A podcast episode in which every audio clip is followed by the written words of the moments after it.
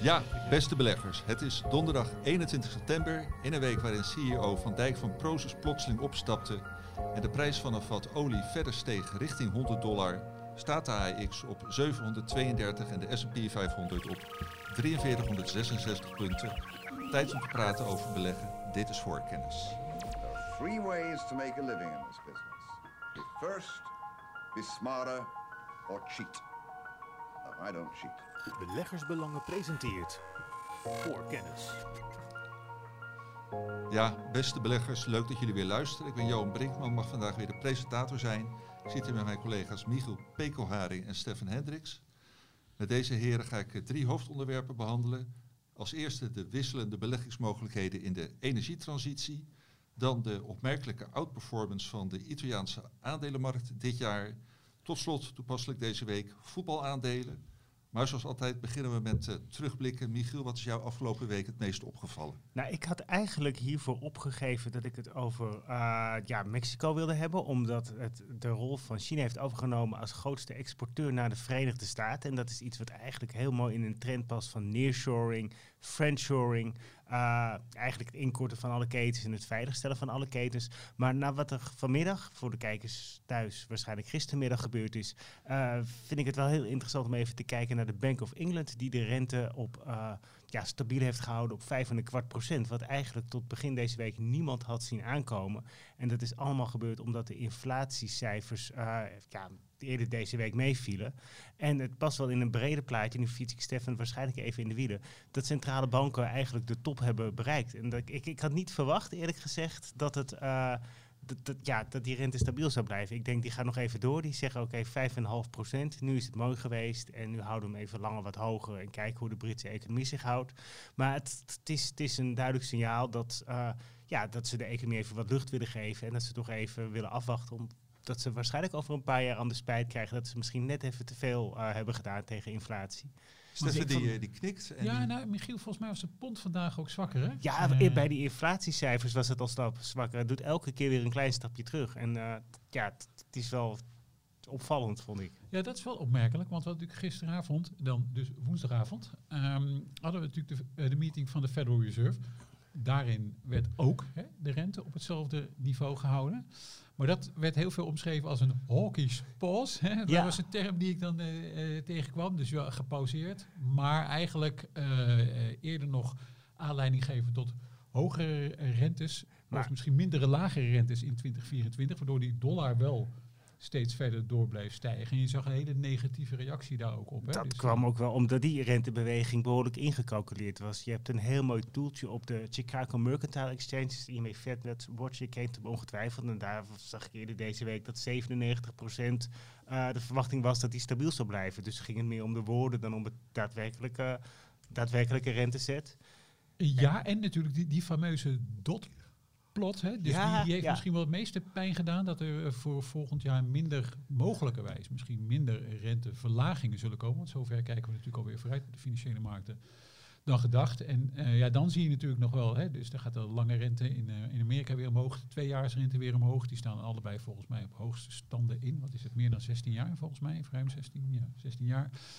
Uh, S&P omlaag, uh, dan de Magnificent Seven, ja. grote tech-aandelen, uh, nog veel lager. Maar opmerkelijk genoeg, en dat is toch nog wel eigenlijk wat ik wel heel apart vond, is dat de risicoopslagen op high-yield leningen, die daalden iets gisteravond. Dat was nog wel apart eigenlijk. En je zou denken dat is een... Waarom vind je dat apart? Nou, kijk, normaal gesproken zou ik denken dat waarom... Um, uh, wil uiteindelijk de Federal Reserve de rente toch nog een keer verhogen. Hè. Dat gaat er dit jaar vast nog een keer van komen. En misschien volgend jaar iets minder verlagen. Omdat de strijd tegen inflatie, dat hoor je wel bij meer centrale bankiers, toch nog niet helemaal gewonnen is misschien. Ja, wat betekent dat dus? Dat betekent eigenlijk het afremmen van de economie. Dat is natuurlijk wat het is. Dat is in principe natuurlijk niet goed voor bedrijven die financieel ietsje kwetsbaarder zijn. Nou, die bedrijven die vind je terug in een high yield index. Hè. Dat zijn de meest risicovolle bedrijfsobligaties. En normaal gesproken zou je dan verwachten dat daar wel een tikje terugkomt. Heeft dit niet iets te maken met wat Johan aan het begin van deze aflevering zei over de olieprijs en veel van die energiebedrijfjes die ook weer in die high yield segment zitten? Ja, dat zou kunnen. Ik zat zelf ook nog te denken aan het feit dat die groei misschien toch wat sterker is dan verwacht. Dus dat, die, dat de kwetsbaarheid van die bedrijven en die, dat high yield segment misschien dan toch ook wat minder groot lijkt nu dan dat het misschien een paar maanden geleden het geval was. Want het is op zich wel opmerkelijk. Die, die risicoopslagen staan op het niveau van eind juli. en sinds die tijd is de lange rente, de tienjaarsrente in de VS, met denk ik zo 45 basispunten opgelopen. Maar aan die uh, risicoopslag of spread is helemaal niks veranderd. Nou, dat is op zich best opvallend. Als je zo'n vrij heftige rentebeweging krijgt en die spreads blijven min of meer gelijk. Oké, eh, voordat we hier het uh, vierde hoofdonderwerp van gaan maken. Michiel, wilde jij nog iets anders noemen in jouw terugblik? Nee, dit was het wat mij betreft. Nou, dan, dan mag Stefan gaan praten. Jazeker, nou dan ga ik gewoon in één keer door. Uh, want het was natuurlijk ook de week, um, soms je, moet je jezelf bepaalde flauwiteiten misschien uh, permitteren. Nou, hou maar, je vast, uh, luisteraar. Kijk. Nou, heel, heel even dan. Het was een beetje de week van de, de komende bedrijven en de vertrekkende topmannen. dus we hebben op de beurs Arm Holdings en Instacart gehad. Nou, dat is, daar hoeven we denk ik niet zoveel over te zeggen, want dat is al her en der gebeurd. Maar ook heel veel topmannen die vertrokken. Nou, voor de Nederlandse beleggers was natuurlijk de topman Van Dijk die vertrok bij Prozus. Dat was het meest opvallende, denk ik. Maar hij was niet de enige. Uh, ook opmerkelijk, begin deze week was de topman van Lonza. En dat is een Zwitsers bedrijf dat um, onder meer farmaceuten helpt met het produceren van medicijnen. Ze hebben onder andere de, uh, een aantal van die uh, mRNA-vaccins gemaakt tijdens de coronacrisis. En deze man stapte ook zomaar op, althans hij gaat per eind september weg, meneer Roufieux. En opvallend daaraan is dat uh, twee weken later ruim, op 17 oktober, komt Lonza met een beleggersdag. Dat is natuurlijk wel een hele slordige timing. Uh, er werd ook verder heel weinig tekst en uitleg aangegeven. En drie dagen daarna, dat was dus vanochtend, kwam Lonza alsnog met een persbericht. En zei, nou, we handhaven al onze financiële doelstellingen voor 2023. Dus daar is uh, verder niks aan veranderd, dat vertrek. En we geven alvast een beetje aan wie er dan straks gaat spreken op die beleggersdag op 17 oktober. Maar dat geeft natuurlijk wel aan dat daar iets uh, strategisch gezien, denk ik, niet helemaal goed zit. Want anders was er wel wat gezegd over het vertrek van deze um, topman. En, en reageerde de koers daar ook op, op al deze... Nou, gek genoeg niet zo heel erg veel. Een beetje laag. Het aandeel staat sowieso al, uh, al wat langere tijd onder druk. Hè. Het is een van die corona-winnaars natuurlijk. Er zijn er een, een, aantal van en die daarna natuurlijk hard zijn teruggelopen. Uh, maar het, je ziet wel ook, uh, er wordt natuurlijk door allerlei analisten op gereageerd. Een heleboel hebben daar nog wel koopadvies op het aandeel, onder meer uh, UBS en Deutsche Bank zag ik volgens mij langskomen.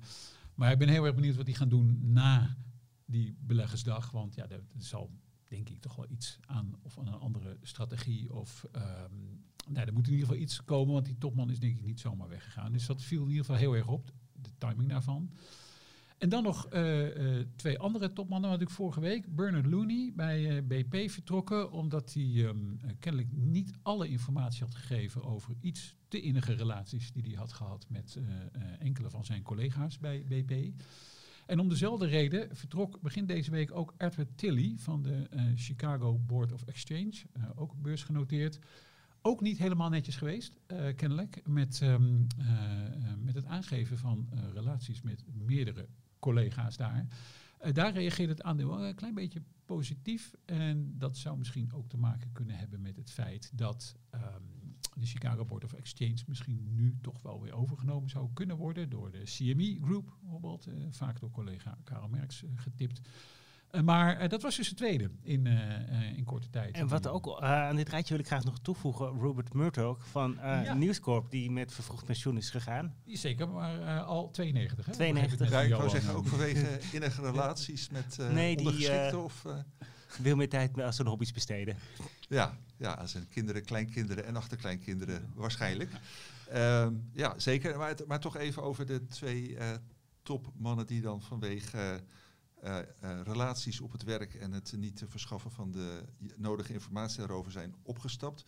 Uh, nou, dat is natuurlijk van alle tijden, of, maar is dat nu wel in deze tijden meer dat zulke gevallen naar buiten komen dan voorheen? vraag ik aan jullie, met jullie kennis van de financiële markten de afgelopen nou, dat weet 20 jaar. Weet ik niet, Johan. Een paar jaar geleden hebben we toch ook de topman van McDonald's gehad, Easterbrook volgens mij, Engelsman, die uh, daar buitengewoon succesvol was. Ik heb het idee dat een grote shift 20 jaar geleden is gekomen met Sarbanes-Oxley, een nieuwe wet waardoor topmannen persoonlijk verantwoordelijk werden voor het uh, reilen en zeilen. Gewoon het, alles wel goed ging binnen hun bedrijf, binnen de juridische grenzen. En dat daarvoor was het echt een free for all. Ik heb een idee dat dit inderdaad al langere tijd speelt. Oké, nou helder. Um, ja, en dan nog een, derde onderwerp, want het is eigenlijk een, een uh, weer een heel flauw bruggetje, maar het is wel een, uh, een, uh, een, kleine stap van vertrekkende topmannen om deze reden en de koersimplosie van S4 Capital. En waar, gaat, waar dit over? S4 Capital is een, een reclame, marketing en mediabedrijf. Uh, onder andere eigenaar van het Nederlandse Media Monks. En dat bedrijf is opgezet door Martin Sorrell. En dat is wel een vrij legendarische naam in de wereld van reclame- en mediabureaus. Deze meneer Sorrell heeft eigenlijk eigenhandig het Britse WPP groot gemaakt. Dat is een van de grootste uh, reclame- en mediabureaus ter wereld. Maar die moest daar in 2018 ook weg. Um, ook om redenen die niet helemaal fantastisch zijn. Namelijk het, um, uh, het ging om, bullying, dus het wat onaangenaam benaderen van zijn uh, medewerkers. Uh, en het oneigenlijk gebruik, zo werd gezegd, van geld van WPP. Hij was geloof ik ook gesignaleerd bij huizen waarin dames van lichte zeden hun werk doen. in Londen, begreep ik. hoewel dat volgens mij nooit, ik weet niet of het echt bewezen is, maar dat, dat hele pakket kwam. Sorrell vertrok.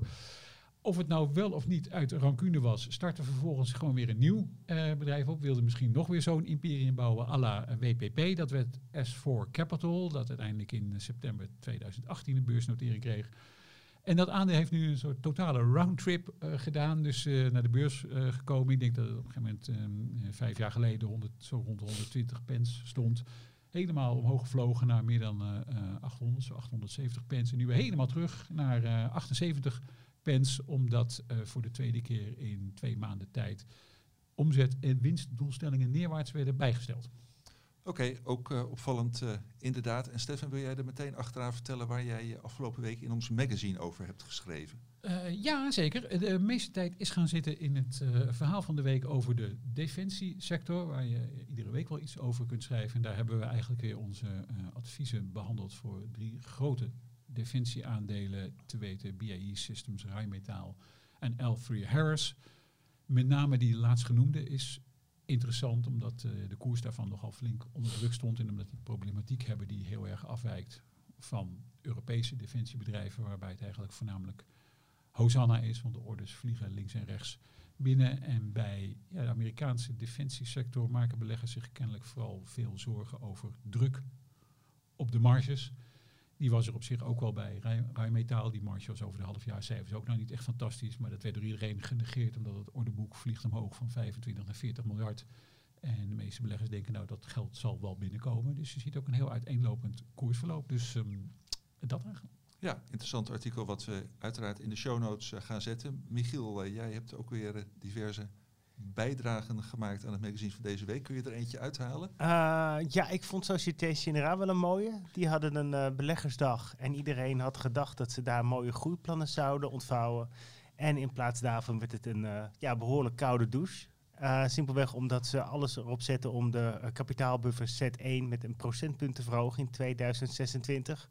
Het gevolg is dat ze meer kapitaal ja, eigenlijk uh, moeten, moeten vrijmaken, daarvoor minder kunnen investeren, uh, minder risico kunnen nemen en ook minder hard kunnen groeien. Ze hebben uh, dividendplannen gewijzigd, net even van die kleine dingen. Het was vroeger altijd 50% over de ja, voor eenmalige posten gecorrigeerde netto-winst en nu is het 40 tot 50%, iets lager over de normale netto-winst, waar dus alle reorganisatielasten in zitten. Dus het was eigenlijk op alle punten dat ze, dat ze teleurstelden en dat zag je ook in het koersverloop. Dat zat in, in één keer dat het aandeel 9% lager stond. Ja, Topman wilde een uh, reëel beeld schetsen, begreep ik. Ja, dat, dat had ik hier. dat, uh, bij, de, bij, de, kennis van nu had hij dat waarschijnlijk alvast nog even iets anders uh, ingekleed. Ja, nou, beleggers weten in ieder geval wel waar ze aan toe zijn. En het aandeel staat nu inderdaad een stukje lager. Voor kennis. Eerste uh, hoofdonderwerp, uh, nou, de energietransitie, wie heeft het er uh, niet over? Nou, Michiel die heeft het er al, al jaren over, ook in de kolommen van beleggersbelangen. En met name uiteraard in ja, de beleggingsmogelijkheden die die energietransitie de Nederlandse particulier biedt. En Michiel, jij wilde daar graag uh, weer een keer op terugkomen. Wat, uh, wat zijn je belangrijkste bevindingen? Nou, ik denk dat het handig is om een artikel als uh, soort van leidraad te nemen... wat ik in november 2020 heb gemaakt over de energietransitie... en de kansen die daarmee gepaard gaan. Um, in de tijd zag je al steeds meer aandacht voor het thema komen... In de vorm van regelgeving en ja, veel investeringen in zonne- en windenergie... Um, ik heb een vijftal aandelen getipt. TPA Composites, die maken bladen voor windmolens, een Amerikaans bedrijf. kabelfabrikant Nexar, Umicore, recycling van laadbare batterijen, Johnson Controls, dat zich richt op het, uh, ja, eigenlijk het energiebeheer van gebouwen onder meer, en Atlantica Sustainable Infrastructure, die exploiteren waterkracht, zonnevelden en dat soort uh, ja, energiebronnen. Um, binnen enkele maanden, uh, verschil per bedrijf, waren de koersen van die aandelen met 43% tot 163% omhoog geschoten. Dus ik voelde me even helemaal uh, fantastisch. Ja, het was tussen november uh, vorig jaar en... Tussen november 2020 en oh, in de loop ja, van 2021. En inmiddels staan uh, sommige aandelen 37% lager, het staan nog 29% lager. Uh, Johnson Controls en Nexans staan nog wel op een mooie winst. Maar bijvoorbeeld TPI Composites is met 90% gedaald. En dat is, uh, je vraagt je toch af, we moeten met z'n allen veel, ja, veel meer groene energie uh, gaan verbruiken. De prijs van een vat olie wordt steeds meer. Wat is hier gebeurd? Dus ik denk dat het handig is om dat even eerst uit te leggen. Ja, graag. Uh, er zijn verschillende zaken die in elkaar grijpen. In eerste instantie was het ja, artikel eigenlijk aan het begin van een luchtbel die er in dit segment geblazen werd. De waarderingen die, ja, die werden extreem hoog. Uh, alle, alle beleggers doken erop, zoals je dat ook met internetaandelen hebt gehad, bijvoorbeeld rond 2000. Um, ehm, waardoor die luchtbel is leeggelopen, is onder meer door de uh, oplopende inflatie en vooral de stijging van de rente. Omdat in dit segment heel veel bedrijven actief zijn, uh, waarvan de winsten nog, nou, groot deel van de winst ver in de toekomst ligt. En als die tegen een hoger tarief teruggerekend wordt, ja, dan is het aandeel nu minder waard. Dus dat schoof als het ware ook in elkaar. En wat ook uh, een van de gevolgen is van die uh, hogere rente, is dat uh, veel projecten opeens lastiger te financieren werden. Projecten werden uitgesteld. En een andere reden waarom die projecten uitgesteld waren, is een tekort aan grondstoffen en ook bepaalde programma's, bijvoorbeeld van Joe Biden, om de Amerikaanse staalsector te beschermen. Maar met als gevolg dat er te weinig staal is voor bedrijven zoals TPI Composites om die bladen goed te maken. Ja, dat dus zag je ook een Michiel bij uh, Orsted. Hè? Die, ja. die had natuurlijk ook recente waarschuwing gegeven. Precies om een aantal redenen die jij noemde. Prachtig bedrijf. En, maar er worden zoveel van dit soort projecten uitgesteld. En dat is, dat, het is ook heel wat. Ik bedoel, je moet er wel rekening mee houden dat je... Uh, ja, de, dat die investeringskosten, dat het hele, hele model opeens een stuk minder aantrekkelijk wordt bij een rente van 5% dan bij een rente van 0%. Ja, dus dat was uh, november uh, 2020 dat jij die uh, aandelen hebt getipt. Die hebben een enerverende weg daarna gegaan. Absoluut. Sommigen hebben het hebben redelijk gedaan, anderen hebben het slecht gedaan, anderen hebben het heel slecht gedaan. Um, maar ben jij continu bij je uh, koopadviezen uh, Nou, TPI Composites was een vraag om over het forum. Die zitten in zoveel problemen, daar zou ik niet in beleggen. Ik wil zo meteen uitkomen bij drie koopwaardige aandelen... nadat ik nog wat trends binnen die energietransitie besproken heb. Want wat je niet moet vergeten is dat het natuurlijk wel gaat gebeuren. We kunnen niet zeggen van oké, het was een leuk idee, we gaan het toch niet doen. Ehm, vroeg of laat zullen die ja, offshore windmolenparken aangelegd worden, zal die, uh, die energie ook echt groen worden. En dat begint ook bij het aanpakken van de bottlenecks. Um, en wat ook meespeelt, is dat die prijs van groene stroom enorm veel lager is geworden. Als je kijkt naar het uh, decennium tot vorig jaar, zijn uh, zonnecellen 88% goedkoper geworden, offshore wind 13% en onshore wind of, 66%. En afgelopen jaar is er nog eens 13% van afgegaan. En wat ook meespeelt is dat de wereldwijde investeringen zijn toegenomen van 550 miljard in 2020 tot um, ja, het dubbele eigenlijk vorig jaar. Dus je ziet er steeds meer geld naartoe gaan.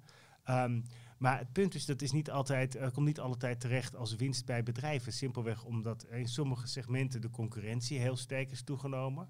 Kijk bijvoorbeeld naar zonnepanelen. Uit, wat er uit uh, China komt, nou, dat, is, dat valt, valt bijna niet tegenaan te produceren. En uh, wat ook meespeelt, is dat uh, sommige, ja, er zit toch nog heel wat fantasie bijvoorbeeld in groene waterstof en energieopslag. Ja, die, die, die, die technologieën, daar gaat uiteindelijk heel veel van komen. Maar voor het zover is, gaan bedrijven nog heel veel verlies maken. En zijn er gewoon segmenten die je als belegger moet bijden.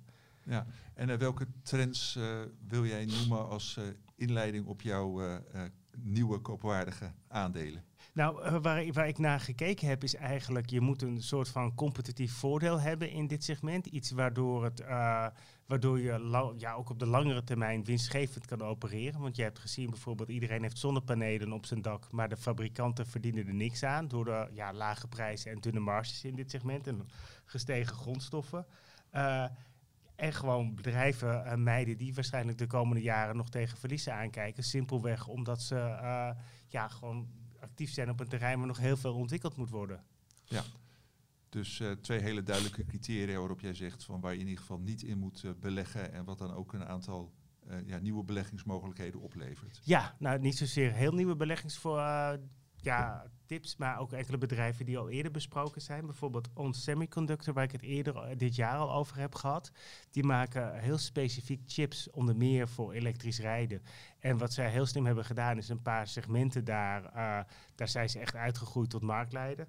Voorbeeld is uh, Advanced Driving Assistance Systems dat is nou eigenlijk speciale chips die dan helpen bij het besturen van, uh, ja, als je, als je auto rijdt, uh, om te voorkomen dat je ergens opklapt. En wat waarschijnlijk ook wel een veelbelovende technologie is straks voor zelfrijdende auto's. Daar hebben ze 40% van de markt. Ze zitten ook in inf energie-infrastructuur. Gewoon alle, alle stroomnetten die aangepast moeten worden voor, uh, ja, voor bijvoorbeeld het terugleveren van zonnestroom. Um, en ze zijn gewoon heel goed met hun geld. Ze zijn per saldo schuldenvrij. Ze groeien elk jaar 10%. Ze worden veranderd, voor ongeveer 18,5 maanden verwachte winst. Uh, ja, de koers heeft de afgelopen maanden niet heel veel gedaan. Maar als je kijkt naar de waardering van andere aandelen in de halfgeleide sector, dan vind ik dit soort ja, bedrijven er eigenlijk heel erg bovenuit steken. Ja. We zullen het in de show notes zoeten, zetten, maar voor de luisteraar kun je de naam van het bedrijf nog één keer uh, duidelijk uitspreken? On Semiconductor. On Semiconductor, oké. Okay, nou, we zetten hem in de show notes, maar dat is in ieder geval uh, een aandeel wat, waar jij aandacht op vestigt. een andere bekende naam waar ik ook al eerder over geschreven heb, is het Franse Nexan. Uh, dat is een kabelfabrikant en dat klinkt eigenlijk heel saai. En je zou zeggen, als er heel veel projecten uitgesteld worden, Um, wat, ja, van, wat, wat heb je er dan eigenlijk aan? Maar wat zij hebben, zij hebben twee schepen, de Skagerrak en de Aurora. En dat zijn, zij, wereldwijd is maar een handjevol schepen die de technologie aan boord hebben om offshore windmolenparken uh, met kabels te verbinden aan het bestaande net. Er zijn eigenlijk maar heel weinig schepen van. En zij hebben er twee van. 2026 wordt nummer drie opgeleverd. Uh, ze zijn eigenlijk wel heel slim bezig om zich daar in dat segment uh, te positioneren als een van de partijen waar je dan eigenlijk wel aan moet kloppen. Ja. En wat ook geldt, uh, zelfs uitgestelde windmolenparken moeten uiteindelijk ook uh, gekoppeld worden. Dan kijk je bijvoorbeeld naar de backlog. Nou, die is uh, in het eerste halfjaar met 85% gestegen tot 6,6 miljard. Dus ze halen enorm veel orders binnen. Uh, je ziet de marge, nou, die is nog niet omhoog gegaan. Maar dat zie je ook aan de waardering. Het wordt, aandeel wordt veranderd voor 14,5 maanden winst. Um, als je ziet hoeveel dit bedrijf nog kan groeien, dan, dan blijft dit wel een van de winnaars voor de langere termijn. Het is misschien niet zo sexy als een uh, producent van groene waterstof. Maar dit soort aandelen ben je denk ik op de lange termijn veel beter uh, uit mee. Vooral ook omdat ze financieel ook weer heel goed uh, gefinancierd zijn. Met een netto schuld van nog niet eens de helft van de EBITDA. Dus daar geeft ook de ruimte om kleine tactische overnames te doen. Ja, en concurrenten die uh, zullen er niet zo snel uh, uh, een positie kunnen innemen. Nee, want het bouwen van zo'n boot, het is echt een vijfjarig traject. Het is, je, je, moet wel oppassen wat dat betreft voor die golf, die ook bij, bij SBM Offshore en Fugo zag, dat op een gegeven ogenblik er enorme overcapaciteit is. Maar voorlopig zijn we daar nog lang niet. Nee, helder. Um, het laatste bedrijf is ook eigenlijk wel heel goed qua ja, financieel beheer, management van de balans. Um, dat is Abelmare Marl. En dat is een Amerikaanse producent van lithium. Uh, die is dit jaar, ja, het is eerder getipt, maar die is dit jaar met bijna 40% gedaald. Uh, dat heeft verschillende oorzaken. Een van de dingen is onzekerheid over de positie in Chili, waar toch het politieke risico wat op leidt. Maar ze hebben vrij harde contracten, tot, ja, rechten tot 2043, waarvan ook ja, de, de, de machthebbers hebben aangegeven die te respecteren. Um, en de onzekerheid neemt ook toe omdat ze uh, van plan zijn om Liontown Resources over te nemen. Dat is een Australische fabrikant van lithium, wat als voordeel heeft dat ze ook geografisch wat dichter weer bij de Chinese markt kruipen. Ze, ze, positioneren zichzelf eigenlijk heel slim als de grote speler op deze markt. Um, en het is wel grappig dat ze dat doen, juist op dit moment, omdat ze eigenlijk altijd heel braaf zijn geweest met, ja, met hun financiën. Ze hebben een netto schuld van mm, ja, eigenlijk nog niet eens de helft van de EBITDA. Uh, ze hebben al bijna 30 jaar het dividend verhoogd. Ze positioneren zich echt als ja, financieel solide bedrijf. En dat zij op dit moment dit soort zetten doen, uh, geeft bij mij aan dat dit wel een moment is eigenlijk om die lithiummarkt naar je toe te trekken. Voordat de vraag echt gaat boomen door de vraag, ja, op, oplopende vraag van, uh, naar, naar elektrisch rijden. Ja, nou, zeker interessant aandeel. Toevallig vanochtend in onze redactievergadering over gehad om die hele sector waar dit bedrijf ook deel van uitmaakt weer eens onder de loep te nemen. Dus drie interessante aandelen als het om de energietransitie gaat. Mag en jij wil er nog wat over zeggen? Ja, ik wil nog graag één fonds noemen. Want eigenlijk als je kijkt naar de afgelopen drie jaar... zijn alle ETF's op dit vlak zijn, stabiel. is eigenlijk niks gebeurd. Als je ook kijkt naar de fondsen, dan, dan is het vrij wisselend. Eén fonds wat er uitspringt is de Robeco Smart Energy. Die hebben de afgelopen drie jaar gemiddeld een rendement geboekt van 17,6 procent. Voor de afgelopen tien jaar is dat ruim 14 procent. Zij, uh, zij spelen gewoon heel goed in op de waarderingen. Zij hebben de bubbel eigenlijk weten te vermijden in uh, 2021. Um, en ze zijn zich nu ook weer aan het positioneren. Ze zetten nu heel uh, sterk in op de elektrificatie van de economie. Ze hebben wel lopende kosten van 1%. Maar als ik dan kijk uh, wat je daarvoor terugkrijgt van beheer, is dit een van de keren dat ik toch duidelijk liever een actief fonds heb dan een tracker. Oké, okay, uh, deze zetten we ook in de show notes, zodat de luisteraars en kijkers van deze podcast zich daar verder in kunnen verdiepen. Stefan, wil jij aan dit verhaal nog iets toevoegen van wat Michiel heeft gehouden? Nou, oké, okay, ik bekijk dit een beetje vanuit de bril van de uh, analist van nutsaandelen, sector die ik volg. En daar zie je natuurlijk wel dat er um, een hoop reuring is ontstaan uh, over de ja, eigenlijk over de winstgevendheid, toekomstige winstgevendheid van verschillende windparken. De Ørsted hebben we al benoemd, hè. Uh, onder andere ook een groot park in Amerika. Eerder Vattenval gehad, volgens mij, die in het Verenigd Koninkrijk al zei, ja, tegen deze prijzen is het eigenlijk niet heel erg aantrekkelijk. RWE begint hem zich een beetje te roeren. Dus voor een aantal van die uh, nutsbedrijven hakt het er eigenlijk best wel in. En ik moet dan ook wel een beetje denken aan de nieuwe topman van Enel, die dan eigenlijk vooral bezig is met onshore wind. Oh, hij zegt, nou, dat is allemaal iets beter te controleren dan offshore ja. wind. En dat is wel eigenlijk opvallend, want heel veel was natuurlijk, dat was toch wel een beetje de, de, de, de darling, hè, de, de, de favoriet onder de beleggers, dat offshore wind, daar was iedereen toch ontzettend mee bezig. Daardoor was ook Vestas natuurlijk en, en Ørsted en nog een groot aantal ja, van dat soort bedrijven heel erg hoog gewaardeerd. En dat je is helemaal af van die, Amer van die Chinese windmolenmakers die daar helemaal overheen komen nu. En ja. het idee uh, wat, wat ik heb is dat het uh, terrein niet zozeer meer is van de nutsector, maar van de uh, pensioenfondsen en de verzekeraars die daarin een heel voorspelbare inkomstenbron zien, met bovendien een element van inflatiebescherming. Ja, en oliebedrijven ook nog die dan meebieden. Hè. Dus je ziet vaak een, tegenwoordig een consortium, dus dat is soms bestaat uit een nutsbedrijf en een, een oliebedrijf, of soms alleen een, een oliebedrijf. En die bieden dan mee. Uh, ja, en zoals dat wel eens gaat met veilingen, dan komen natuurlijk ook wel eens prijzen uit die eigenlijk uiteindelijk voor de winnaar misschien nog niet eens zo fantastisch zijn. Oké. Okay. Nou, helder verhaal, uh, leuk uh, onderwerp. We gaan naar het volgende hoofdonderwerp. Voorkennis. Met uh, nou, Enel hebben we dan al een bruggetje naar dat volgende hoofdonderwerp, namelijk de goede prestaties van Italiaanse, Italiaanse aandelenmarkt dit jaar. Uh, Stefan, jij bent daar ingedoken. Wat zijn jouw bevindingen? Ja, dat is natuurlijk wel apart. Dus dit jaar heb, zien we een, een herstel. Dat is soms een klein herstel, of soms een wat steviger herstel van het wel heel zwakke 2022. En dan valt eigenlijk de Italiaanse markt heel erg op, wat mij betreft. Dus de, de FTSE MIP, dat is de belangrijkste Italiaanse beursindex, die staat dit jaar meer dan 21% in de plus. En dat is echt heel veel beter dan alle andere grote Europese aandelenindices. Dus beter dan de AEX, die staat op een procent of uh, 6. Beter dan de DAX, die staat op 12 procent. En dat is dan natuurlijk nog, het is de DAX, dus dat is dan ook nog eens een keertje inclusief uh, herbelegd dividend. Beter dan de CAC die zo rond de 15 uh, procent staat. Beter dan de SMI, uh, de Zwitserse beursindex, die ook rond de 6 procent staat. Dus dat is eigenlijk best interessant. Um, deze week wordt ook bekend natuurlijk dat Ferrari wordt opgenomen in de Eurostox 50. Nou, ook alweer een, een momentje. Uh, maar dat roept inderdaad de vraag op van wat is dan eigenlijk aan de hand met die Italiaanse aandelenmarkt? Hoe kan het dat die zo uh, goed doen? En ligt het dan aan één of twee aandelen. Dus ik heb eens even gekeken waar komen dan die, die rendementen eigenlijk vandaan. Nou, dan zit, dan zit een procent of, uh, nou zeg even 55, 60 komt van vijf grote aandelen. Inderdaad, het genoemde Enel, Unicredit zit daarbij, ook al genoemde Ferrari, dan nog Stellantis en nog een bank, Intesa San Paulo. Um, maar als je een beetje op sectorniveau gaat kijken, dan valt gewoon echt op dat in een heleboel sectoren Italianen dit jaar ongelooflijk goed scoren. Dus de Europese banksector, daar zitten vier Italiaanse banken zitten daar in de top 10. En de nummers 1 en 2 zijn Italiaanse banken. Unicredit staat volgens mij dit jaar al 70% eh, in de plus. En de nutssector, onder de top 10, drie Italiaanse uh, nutsbedrijven. Ga je kijken in de Europese defensiesector bijvoorbeeld, daar is Leonardo, uh, dit jaar veruit de best presterende uh, aandeel. Zal niet heel veel mensen denk ik wat zeggen. Die kijken meestal naar wat andere uh, defensieaandelen.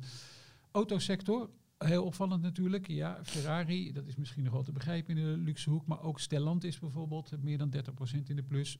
Veel beter dan Volkswagen of Mercedes of Renault of BMW. Dat is toch wel heel erg opvallend. En dan luxe goederen hebben we ook nog. Nou, die lijden allemaal wel natuurlijk een beetje onder, uh, onder weer wat zorgen over de Chinese economie.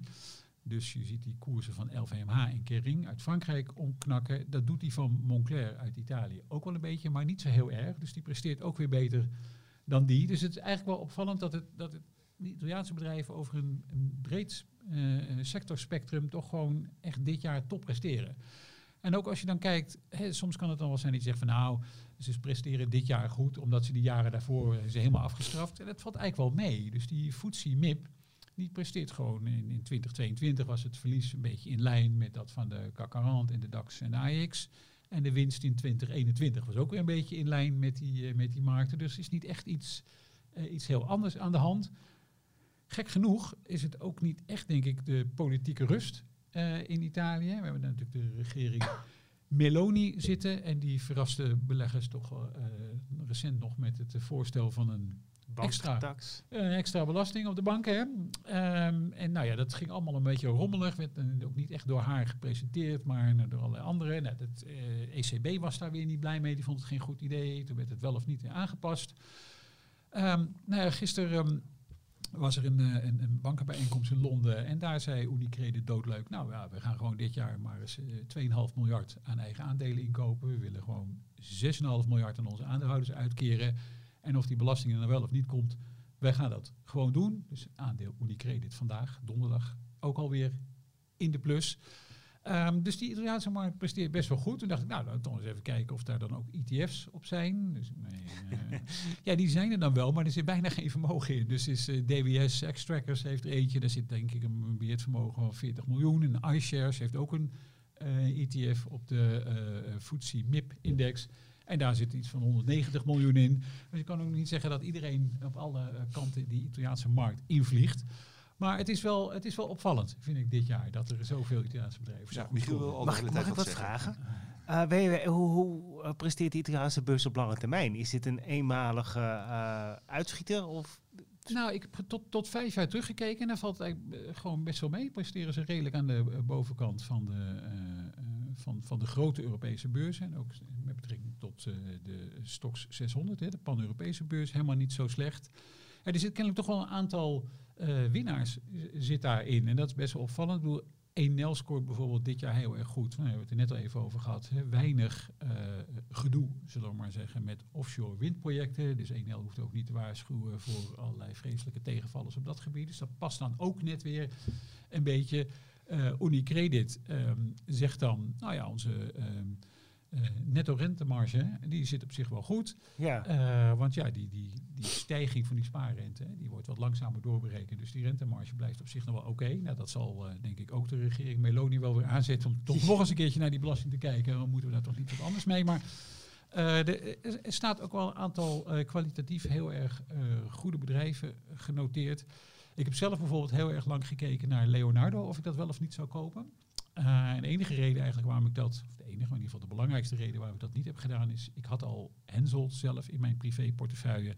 En Leonardo bezit 25% van de aandelen van Henselt. Dus dat speelt daar ook nog een beetje mee. Dat, dat loopt allemaal lekker op. Maar het is een. Um, soms heb je wel eens, dan valt je ogen ergens op zo'n markt en dan denk je, wat is er eigenlijk aan de hand? En dan blijken er toch wel een heleboel dingen bij elkaar te komen uh, voor die Italiaanse markt. Waar net voor een groot aantal bedrijven in hun specifieke sector net de ontwikkelingen gunstiger zijn dan elders in Europa. Dat is ook wel heel opvallend. Het is wel grappig dat het ook niet echt heel specifieke factoren zijn waardoor ze het opeens heel goed doen, maar dat het vooral wat defensiever is toch een soort van catenaccio weer in Italië. Uh, ja, maar uh, wel kwalitatief goed. Want ja, de Ferrari uh, maakt natuurlijk toch een ander type auto's dan de Renault, zou maar zeggen. Ja. En dat zie je wel weer terug in de, in de koersontwikkeling. En die banken zijn natuurlijk ook opvallend. zoveel van die Italiaanse banken die ja. zo ontzettend goed presteren. Rentemarge is daar kennelijk oké. Ik heb, ben wel een beetje in Unicredit gedoken. Daar valt de komende tijd volgens mij niet ontzettend veel groei van te verwachten. Maar die hebben wel een ongelooflijk sterke kapitaalratio. Dus ik vermoed wel dat er... Um, nog wat naar de aandeelhouders stroomt. Dat er, ja, en dat blijft, maar, dat blijft maar gaan. Dat was volgens mij vorig jaar uh, ook meer dan 5,5 miljard. En dit jaar dan gaan we richting de 6,5 miljard. Dus um, uh, ja, soms heb je nog wel eens zo'n markt die misschien heel, die niet zo bij beleggers niet zo heel erg sprekend is. En die dan toch heel erg goed presteert met een aantal kwalitatief ook nog eens best interessante aandelen. Ja, want ijzersterke uh, bedrijven uh, voor een deel in, in, de goede, in de goede sectoren. Ja, en, en, die gun, en onder de gunstige omstandigheden. En onder de gunstige omstandigheden. En dan ook nog in een land wat het economisch wel of niet goed doet. kun je daar iets over zeggen? Ja, kijk, Italië wordt natuurlijk vooral altijd, als je het over Italië hebt, heb je het altijd over politieke kwesties en over rentekwesties. Denk dat wat Italië misschien dit jaar een heel klein beetje helpt, is dat de uh, tienjaarsrente nu staat niet hoger dan aan het begin van het jaar. En dat is bijvoorbeeld in de, als je naar de VS kijkt heel anders. Daar is de rente heel erg hard opgelopen. Dat is in Italië, ja, gek genoeg zou je bijna zeggen, uh, niet het geval. Want als je puur naar de uh, staatsschuld kijkt, dan ziet het er natuurlijk niet echt fantastisch uit.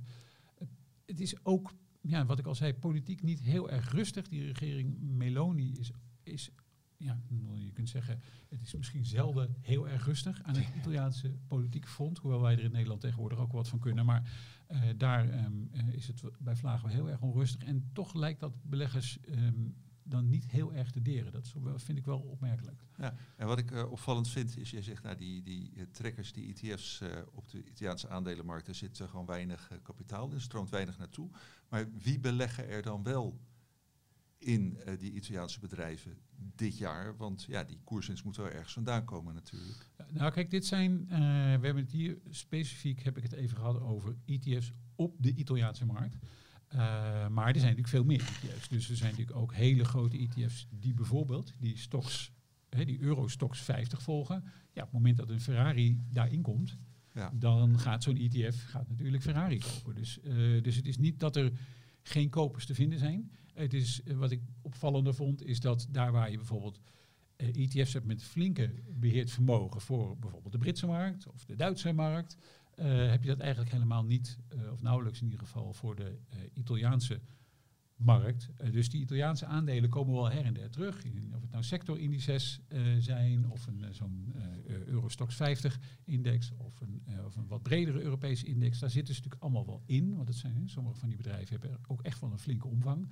Eh, dus uh, het is niet dat er helemaal geen kopers zijn. Uh, het is meer eigenlijk dat, dat er misschien minder kopers zijn voor dat hele blok, ja. die FTSE MIP. Is het dan niet zo dat mensen gewoon liever hun geld op een spaarrekening zetten, waardoor de alle banken de prachtige netto rente marge pakken, terwijl ze in andere landen, Verenigd Koninkrijk, meer gaan beleggen? Oeh, dat is een hele specifieke. Dat zou ik eigenlijk, uh, uh, dat zou ik eigenlijk niet weten. De Italianen zijn misschien wel ietsje voorzichtiger. De, positie van Italiaanse huishoudens is natuurlijk wel vrij sterk. Hè? Een beetje een ja. spiegelbeeld, nou, zoals dat wel vaker is, hè, van de overheid. In Nederland zou je kunnen zeggen, is de overheidspositie vrij sterk. Maar zou je misschien wel nog wel wat meer vraagtekens kunnen zetten bij de financiële positie van huishoudens. Hè. Onze uh, hypotheekleningen ja. zijn natuurlijk heel erg hoog. Dat ligt in Italië weer heel erg anders. Dus je hebt een beetje een spiegelbeeld kwestie. Ik denk als je alleen kijkt naar die Italiaanse staatsschuld, dan heb je niet het hele beeld van de Italiaanse economie volgens mij. Nee, en uh, nou hebben we natuurlijk uh, hier in uh, Noord-Europa, in Nederland zeker ook een bepaald vooroordeel ten opzichte van alles wat met Italië te maken heeft. Dat het allemaal, nou ja, eigenlijk allemaal niet zoveel voorstelt. Even heel kort door de bocht. Speelt dat nou ook uh, een rol dat uh, ja, internationale beleggers zoiets hebben van, ja, weet je, Duitse, Britse bedrijven, dat zijn goede bedrijven om te in te beleggen. En ja, de Italiaanse bedrijven, dat stelt gewoon allemaal niet zoveel voor. Speelt dat een rol? Ja, nou, eh, hier, hier spreek ik ook weer even als, uh, als, als privé-aandeelhouder van Enel bijvoorbeeld. Dat was wel een klein beetje vooroordeel bevestigend wat daar gebeurde. Want daar is uh, recent, een paar maanden geleden, is daar de top vervangen. Dus uh, opeens ging de CEO weg. De CEO die daar zat, het topbestuur, die had eigenlijk wel een hele heldere, duidelijke strategie. Werd ook wel gewaardeerd volgens mij op de kapitaalmarkt. Dus beleggers waren er best tevreden over. Ja, opeens was hij weg. en dat um, had deels te maken, wordt dan gezegd, hoewel dat nooit zo openlijk wordt uitgesproken, met de regeringswissel in Italië. Dus meneer Staracci, uh, kennelijk niet helemaal de favoriet van mevrouw Meloni. Uh, dus daar komt dan iemand anders. die gaat in november overigens een, de jaarlijkse strategie-meeting doen van Enel. Dus dan zullen we zien of hij de strategie van zijn voorganger gewoon voortzet of niet. Dat moet zeggen, die overgang, en dat, dat las je dan ook wel terug in analistenrapporten. Dat zijn natuurlijk analisten die meestal hun, um, hun zetel hebben in Londen. En daar gaat het natuurlijk allemaal wel wat anders. Dus op het moment dat je daar zeg maar, wat, wat politiek gemanoeuvreerd ziet bij zo'n 1L... en je denkt, hé, hey, daar komt een nieuwe topman. De CFO ging ook nog eens een keertje weg. Die wordt geloof ik baas van Amerika. Dan komt er ook nog een andere CFO. Ehm, maar ja, het bedrijf zelf is niet slecht. Maar het is, ik moet zeggen, dit was inderdaad wel een klein beetje vooroordeel bevestigend... wat er met um, uh, 1L gebeurde... Maar goed, die staan dit jaar volgens mij nog een procent of twintig in de plus. Dus het heeft kennelijk de koers niet gehinderd. Nee. Nou, uh, het is in ieder geval duidelijk dat we heel uh, genuanceerd uh, naar de Italiaanse aandelenmarkt moeten kijken. En dat heb je ook gedaan. dankjewel, Steffen. We gaan naar het volgende onderwerp. Voorkennis. En ja, we zitten echt vol met mooie bruggetjes. Want ik hoorde al het over Catenaccio hebben. En dan is het volgende onderwerp, ja, voor mensen die dat niet weten, dat is het traditionele Italiaanse verdedigende spel, hè, voetbalspel. Dat ja. uit de jaren 50 en 60 denk ik vooral, dat die jongens hele, niet vooruit de branden waren. Hele team achter de bal, één countertje en dan... Uh, ja. ja. Wel succesvol trouwens. Ja, absoluut. Ja, Heel effectief. Het grote Inter Milaan en ja, Italiaanse voetbalelftal, dat Paolo Rossi. Nou ja, uh, wat overigens ook leuk is, uh, luisteraars en kijkers, is dat ik uh, toevallig, of ja, niet toevallig weet, dat, weet dat Steffen en Michiel vroeger in hun uh, echt hele jonge jaren, ze zijn natuurlijk nog steeds jong, uh, ook wel samen naar het voetbal gingen kijken. Bij welke club was dat, uh, jongens? Mogen we dat, zeggen? zijn meerdere geweest. We hebben volgens mij Brentford nog gezien toen ze in de Conference League. Dat is ongeveer vijf niveaus beneden waar ze nu spelen.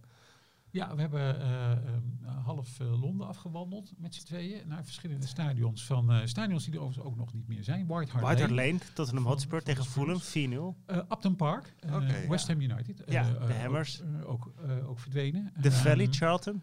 Charlton Valley. Dus, maar wij hadden een, we hebben langduriger gezeten in, in Amsterdam. En daarin um, mooie en zware tijden mee. Ja, ja, nou oké. Okay. Daar gaan we het overigens uh, niet uh, uitgebreid over hebben, hoewel dat best interessant Dat weet je niet. nee, nee, dat weet ik inderdaad niet. Ik, ik probeer serieuze vragen te stellen en het is aan jullie om daar wel of niet serieus op, op in te gaan.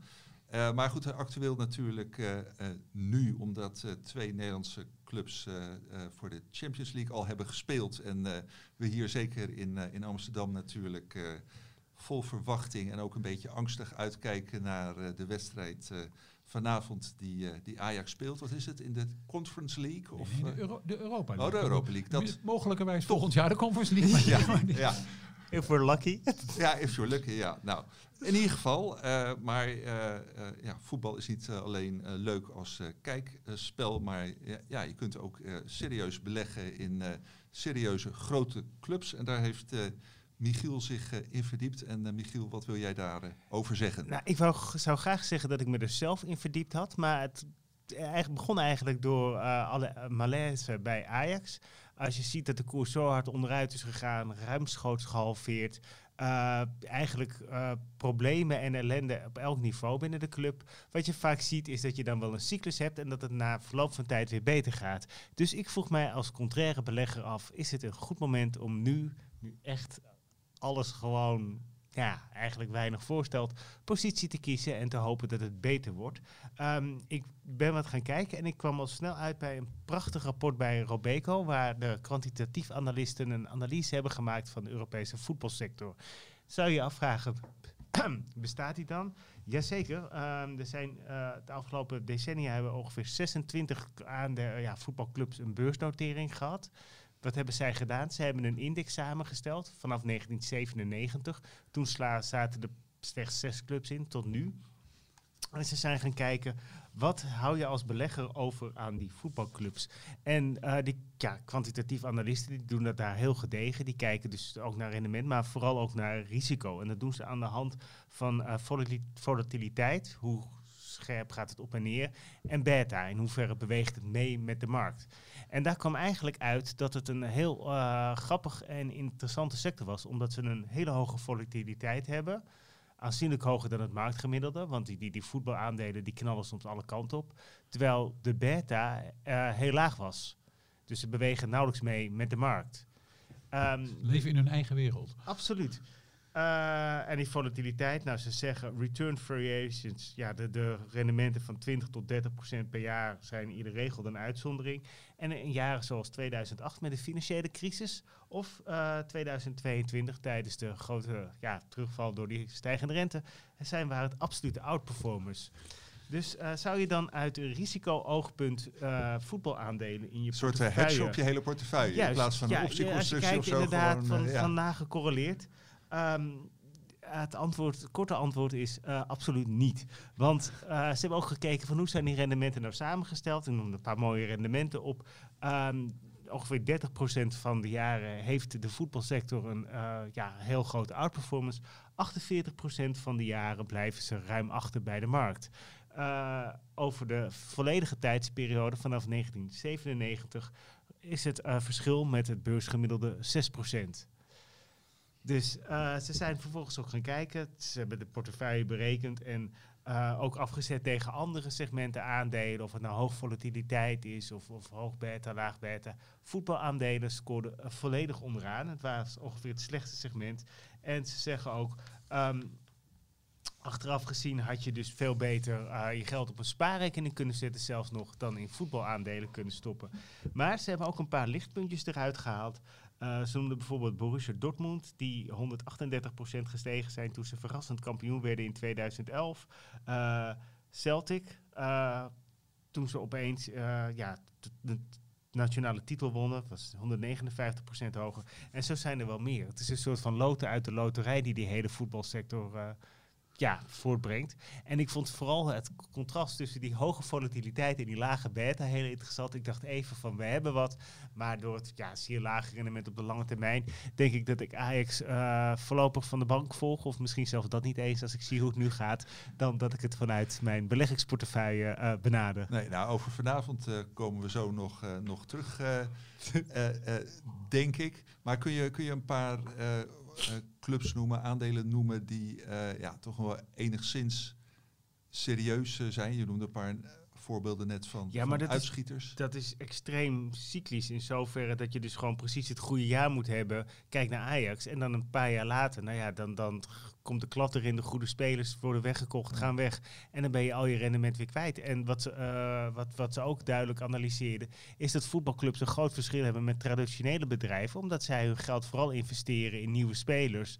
En ervoor zorgen dat ze uh, ook in de toekomst competitief zijn. In plaats van dat ze in goede jaren hun overwinst uitkeren aan de aandeelhouders. Ja, dat is het. He. Het komt nauwelijks naar je toe. Dat geld, wat die, als er al wordt, wordt verdiend, komt het nauwelijks naar je toe. Vergelijking is volgens mij ook best wel vaak gemaakt tussen voetbalclubs en investmentbanks. Um, he, dus de zakenbanken, waar dan ook de, zeg maar, de sterbankiers onvoorstelbaar veel ja. betaald werden. He. Dus dan had je dan een kosten-batenratio. Sommige investmentbanks, Credit Suisse was altijd ik, nou, sowieso slecht voor in meerdere opzichten. Maar die had dan soms wel eens een, een kosten-batenratio van 90%. Omdat er ongelooflijk veel geld ging naar het behouden van uh, die bankiers. He, als het in de jaren niet helemaal goed was. En dat zie je natuurlijk ook met die voetbalclubs. Er gaat onvoorstelbaar veel geld naar die salarissen van spelers en naar uh, in- en uitgaande transfers natuurlijk. Waardoor je eigenlijk als aandeelhouder altijd aan het kortste eind trekt. En die volatiliteit is inderdaad bizar. ik heb ehm, voor onze rubriek beurzen in beeld... voor het einde van de afgelopen voetbalcompetitie in Duitsland... stond volgens mij Borussia Dortmund vlak voor het einde. Voor de, eh, op de laatste speeldag Op zelfs. de laatste speeldag stonden, hè, toen die begon, stonden ze bovenaan. De week daarvoor had volgens mij Bayern München verloren. Was het aandeel Borussia Dortmund, dacht ik, plus 18 procent, zeg ik uit mijn, uit mijn hoofd. Met zicht op de eerste Duitse titel in volgens mij 10 of 11 jaar. een week later was het aandeel helemaal in elkaar geklapt. Dortmund verloor, Bayern won.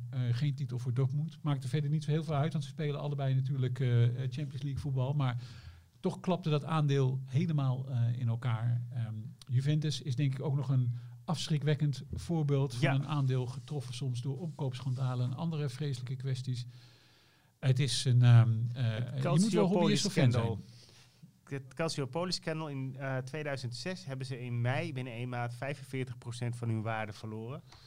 Naast dan heb je ook wel goede clubs. Ik noemde net wat. Arsenal 67% erbij in oktober 2004. Toen ze 49 wedstrijden op rij uh, niet verloren. En natuurlijk uh, wat is het? Uh, eh, 190% erbij voor Fenerbahce in het seizoen 2007-2008 toen ze in de kwartfinale van de Champions League kwamen. Dus je hebt altijd een mooie dubbel als je denkt van oké, nu gaat het, ja, dit, dit, dit, team kan verrassen. Dan is het leuk om erop in te spelen.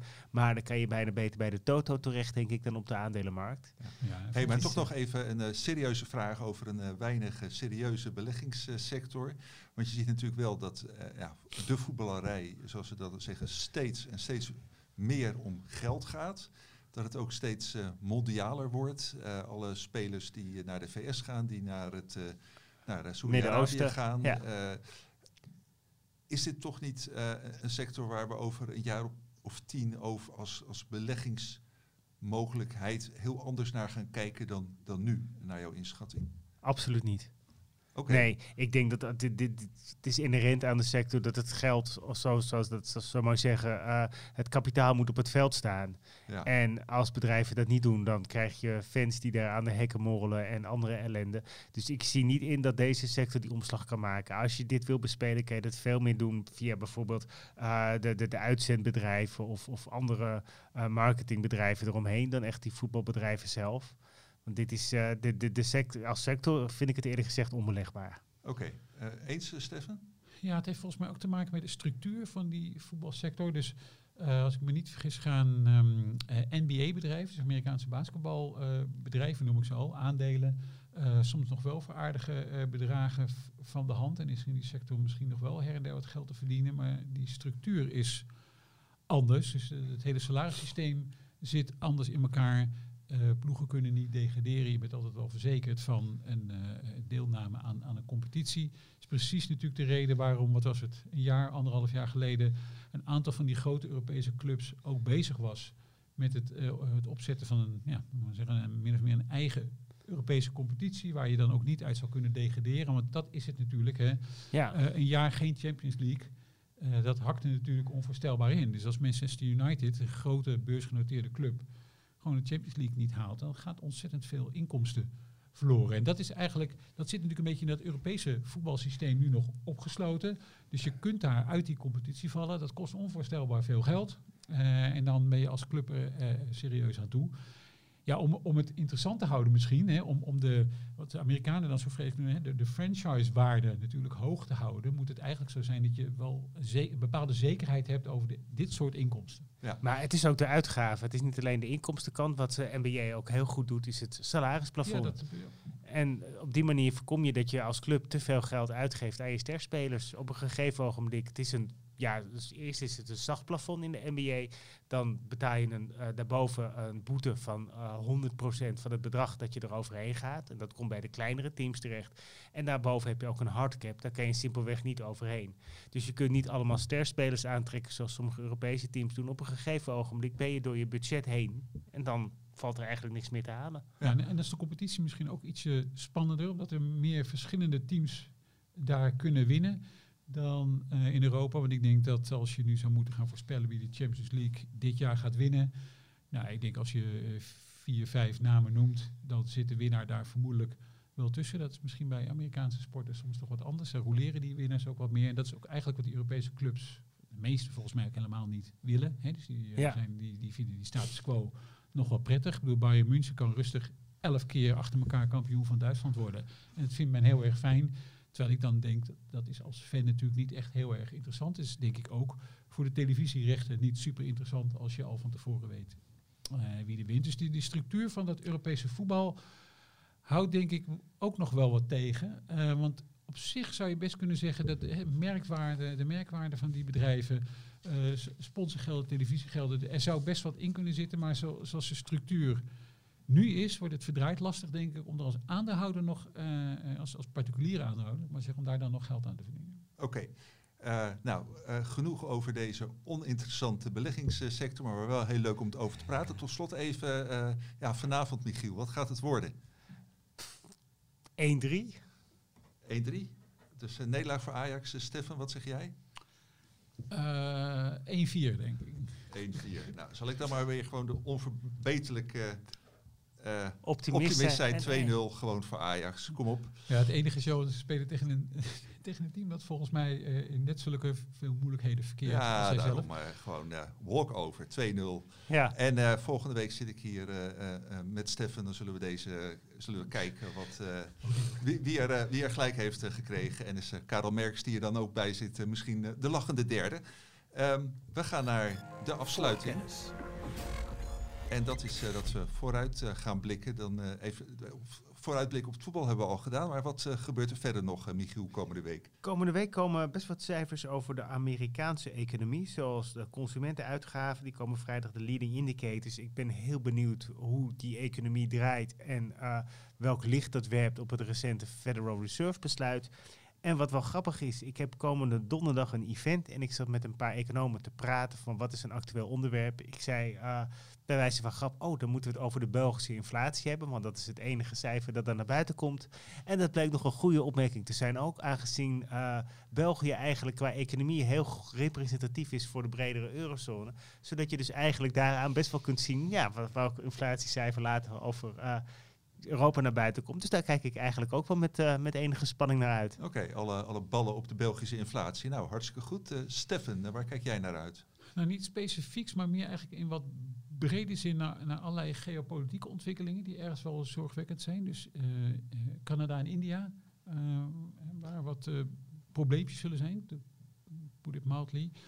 Maar ook Polen-Oekraïne bijvoorbeeld, wat bekend geworden is in het wel of niet doorleveren van wapens aan, aan Oekraïne door, door Polen. En natuurlijk het maar op de achtergrond blijven spelende China en Taiwan. Dat zijn eigenlijk allemaal van ontwikkelingen die um, ja, niet van vandaag op morgen, maar wel voor een wat langere termijn mij als belegger wel wat zorgen baren. Oké, nou, dat was hem. Uh, bedankt Michiel en, en Stefan. Bedankt luisteraars en kijkers voor weer een mooi uurtje over beleggen. volgende week, ik zei het al, zit ik hier weer met Stefan en dan ook weer met, met Karel Merks, die nu op deze regenachtige donderdagmiddag lekker aan het barbecuen is.